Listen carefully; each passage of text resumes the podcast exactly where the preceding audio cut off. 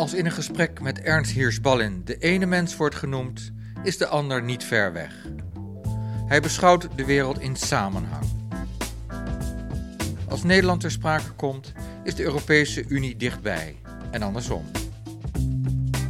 En in een gesprek met de hoogleraar, de voormalige rechter en de voormalige minister van Justitie dient het recht de overheid en de mens.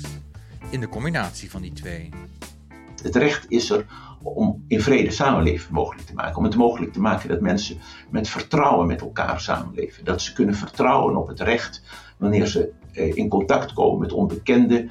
Wanneer ze te maken hebben met overheden, wanneer ze te maken hebben met de onvoorziene, onverwachte gebeurtenissen in het leven. Recht is voor hem vrijwel synoniem met rechtvaardigheid. En daar is de WRR voor ingesteld ook. Om um, wat beter zicht te krijgen op ontwikkelingen die we nog niet precies kennen. Om die te verkennen. Om daar dan een weg in te wijzen die ten goede komt aan het in verhoudingen met elkaar samen te leven die rechtvaardig zijn. Waar mensen niet tekort komen. Waarin kwetsbare mensen steun krijgen. Waarin mensen ook kunnen vertrouwen op de instellingen van de staat. Ernst Hirsch-Ballin is in 2014 gevraagd als raadslid van de WRR, de Wetenschappelijke Raad voor het Regeringsbeleid, door de toenmalige voorzitter André Knotneres. André gaf me zo'n enthousiast verhaal over wat er bij de WRR te doen stond. Zijn we dat eh, mijn ervaring en mijn wetenschappelijke werk op het gebied van het Europese recht en het beleid van de Europese Unie iets was dat ze wel konden gebruiken binnen de WRR. Hirschballin heeft in een kleine vijf jaar de kar van drie projecten getrokken. Als eerste was dat het adviesrapport Europese variaties over Nederland als deel van de Europese Unie. Ik heb als minister van Justitie een heleboel vergaderingen van de Raad van de Europese Unie meegemaakt. Meegemaakt hoe de discussies in het parlement verliepen. En ook hoe complex het is om Europese wetgeving tot stand te brengen en in Nederlandse wetgeving om te zetten of verder uit te werken. Hij maakt graag duidelijk hoe hij de verhouding van lidstaten als Nederland en de Europese Unie ziet. Ik vind het wel belangrijk om dat even te accentueren, omdat er zo vaak gesproken wordt over de Europese Unie alsof dat iets is dat buiten ons is. Over regels die uit Brussel komen. Eh, maar dat is niet een een, een, vreemde mogendheid. Maar we zijn zelf deel van de Europese Unie. En de Raad van de Europese Unie, die medewetgevend orgaan is, bestaat uit vertegenwoordigers, ministers van de lidstaten. En het Europese parlement bestaat uit parlementariërs die door de burgers van Nederland en alle andere lidstaten worden gekozen. Dus wij zijn zelf deel van de Europese Unie en in de Europese Unie wordt het Nederlandse beleid verwezenlijkt. En de andere kant op, het Nederlandse beleid is mede een uitwerking van het Europese beleid. Vanuit zijn kennis van internationale betrekkingen heeft Hirschballin ook gewerkt aan een rapport over wat het betekent om als samenleving veilig te zijn en te blijven. Vroeger hadden we de Hollandse waterlinie. Verschansten we ons dus achter verdedigingswerken om veilig te zijn, dachten we. Er kwam natuurlijk een eind aan op het moment dat de luchtoorlog een rol ging spelen, parachutisten en dergelijke.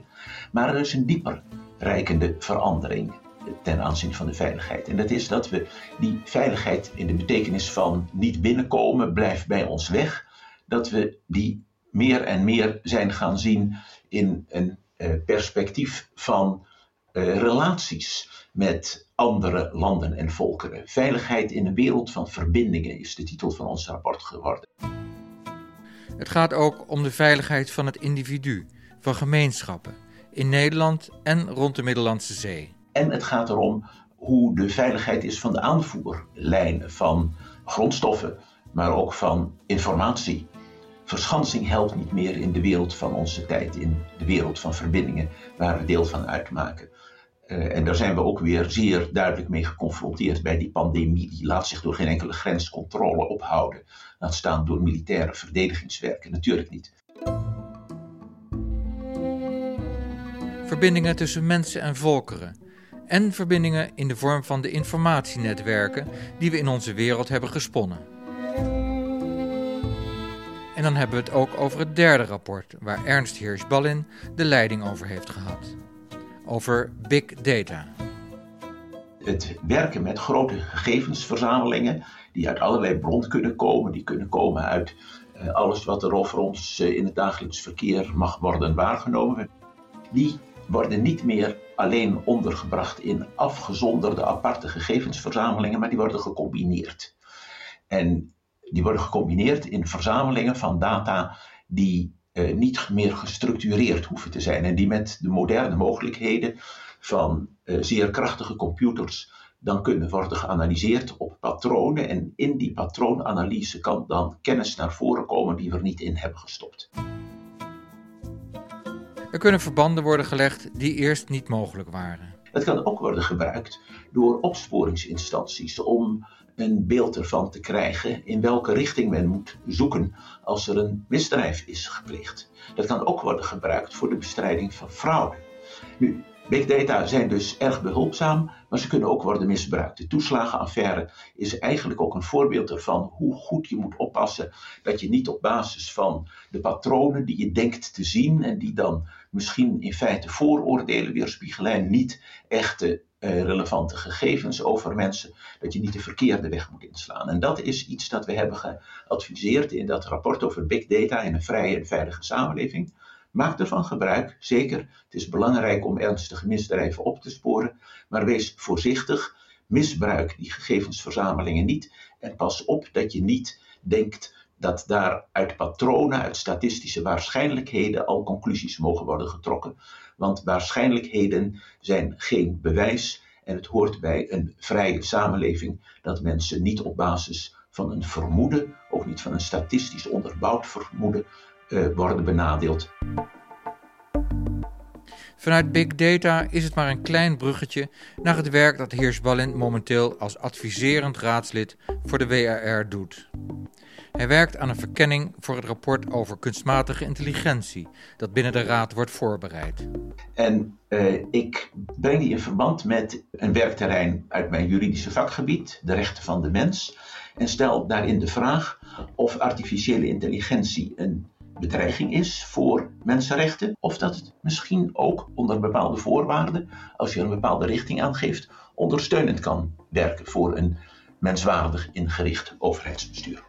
Voor dit werk legt hij ook buiten de Europese Unie zijn oor te luisteren. Veel mensen denken dan meteen aan de Verenigde Staten, omdat daar zoveel gebeurt, of aan China, omdat we daar zien dat artificiële intelligentie ook kan worden gebruikt bij schendingen van mensenrechten. Maar het beeld is in feite veel genuanceerder. Het wordt in China natuurlijk ook gebruikt om de voedselvoorziening goed te laten functioneren. Het wordt ook gebruikt in landen in uh, elders in Azië, India bijvoorbeeld, om hongersnoden te voorkomen en te bestrijden. Er ligt ook een potentieel in Afrika. Dus ook dat hoort bij het potentieel van artificiële intelligentie. In 2016 heeft Ernst Heers-Ballin het boek Tegen de stroom gepubliceerd. Hij beschrijft erin de manier waarop drie mensen zich hebben verzet tegen het sluipende gif dat voor en tijdens de Tweede Wereldoorlog Nederland binnendrong. Het gaat over Titus Brandsma, Anton de Kom en Lodewijk Ernst Visser. Waarom heeft hij dat boek geschreven? Uh, ja, eigenlijk om dezelfde reden als waarom ik positief inderdaad uitlegde waarom ik het belangrijk vind wat we bij de WRR doen. Om het publiekrecht zo te ontwikkelen dat het ten goede komt aan het vertrouwen tussen mensen en het beleid van de overheid daarop te richten. En ik weet heel goed uh, dat heb ik ook van nabij meegemaakt, hoe dat met vallen en opstaan is. Hoe uh, de tegenkrachten dichtbij zijn. Hoe gemakkelijk ook uh, stemmingmakerij zich meester kan maken van politieke processen. Hoe mensen tegen elkaar kunnen worden opgezet door een bepaalde bevolkingsgroep verantwoordelijk te stellen voor wat tegenzit, voor wat tegenvalt waar mensen. Het recht is er ook om een samenleving bijeen te houden op basis van vertrouwen. De WRR bestaat binnenkort 50 jaar. En het tijdsgewricht uh, is wel uh, anders, omdat we veel minder dan toen de WRR tot stand kwam in 1972 de illusie hebben dat de toekomst planbaar is. Maar precies dat geeft relevantie en betekenis aan het werk dat we hier doen en ook gelukkig op veel andere plaatsen wordt gedaan. En dat is het eh, verkennen van wat het betekent om je te verhouden tot die onzekerheden die eigen zijn aan, aan ons leven en aan de toekomst.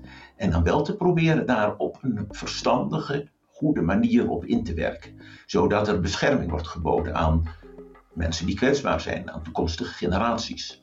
Eh, dat er gewerkt wordt aan een veilige samenleving. Dat we daarbij ook het potentieel benutten dat we hard nodig hebben van een samenwerkingsverband van lidstaten van de Europese Unie.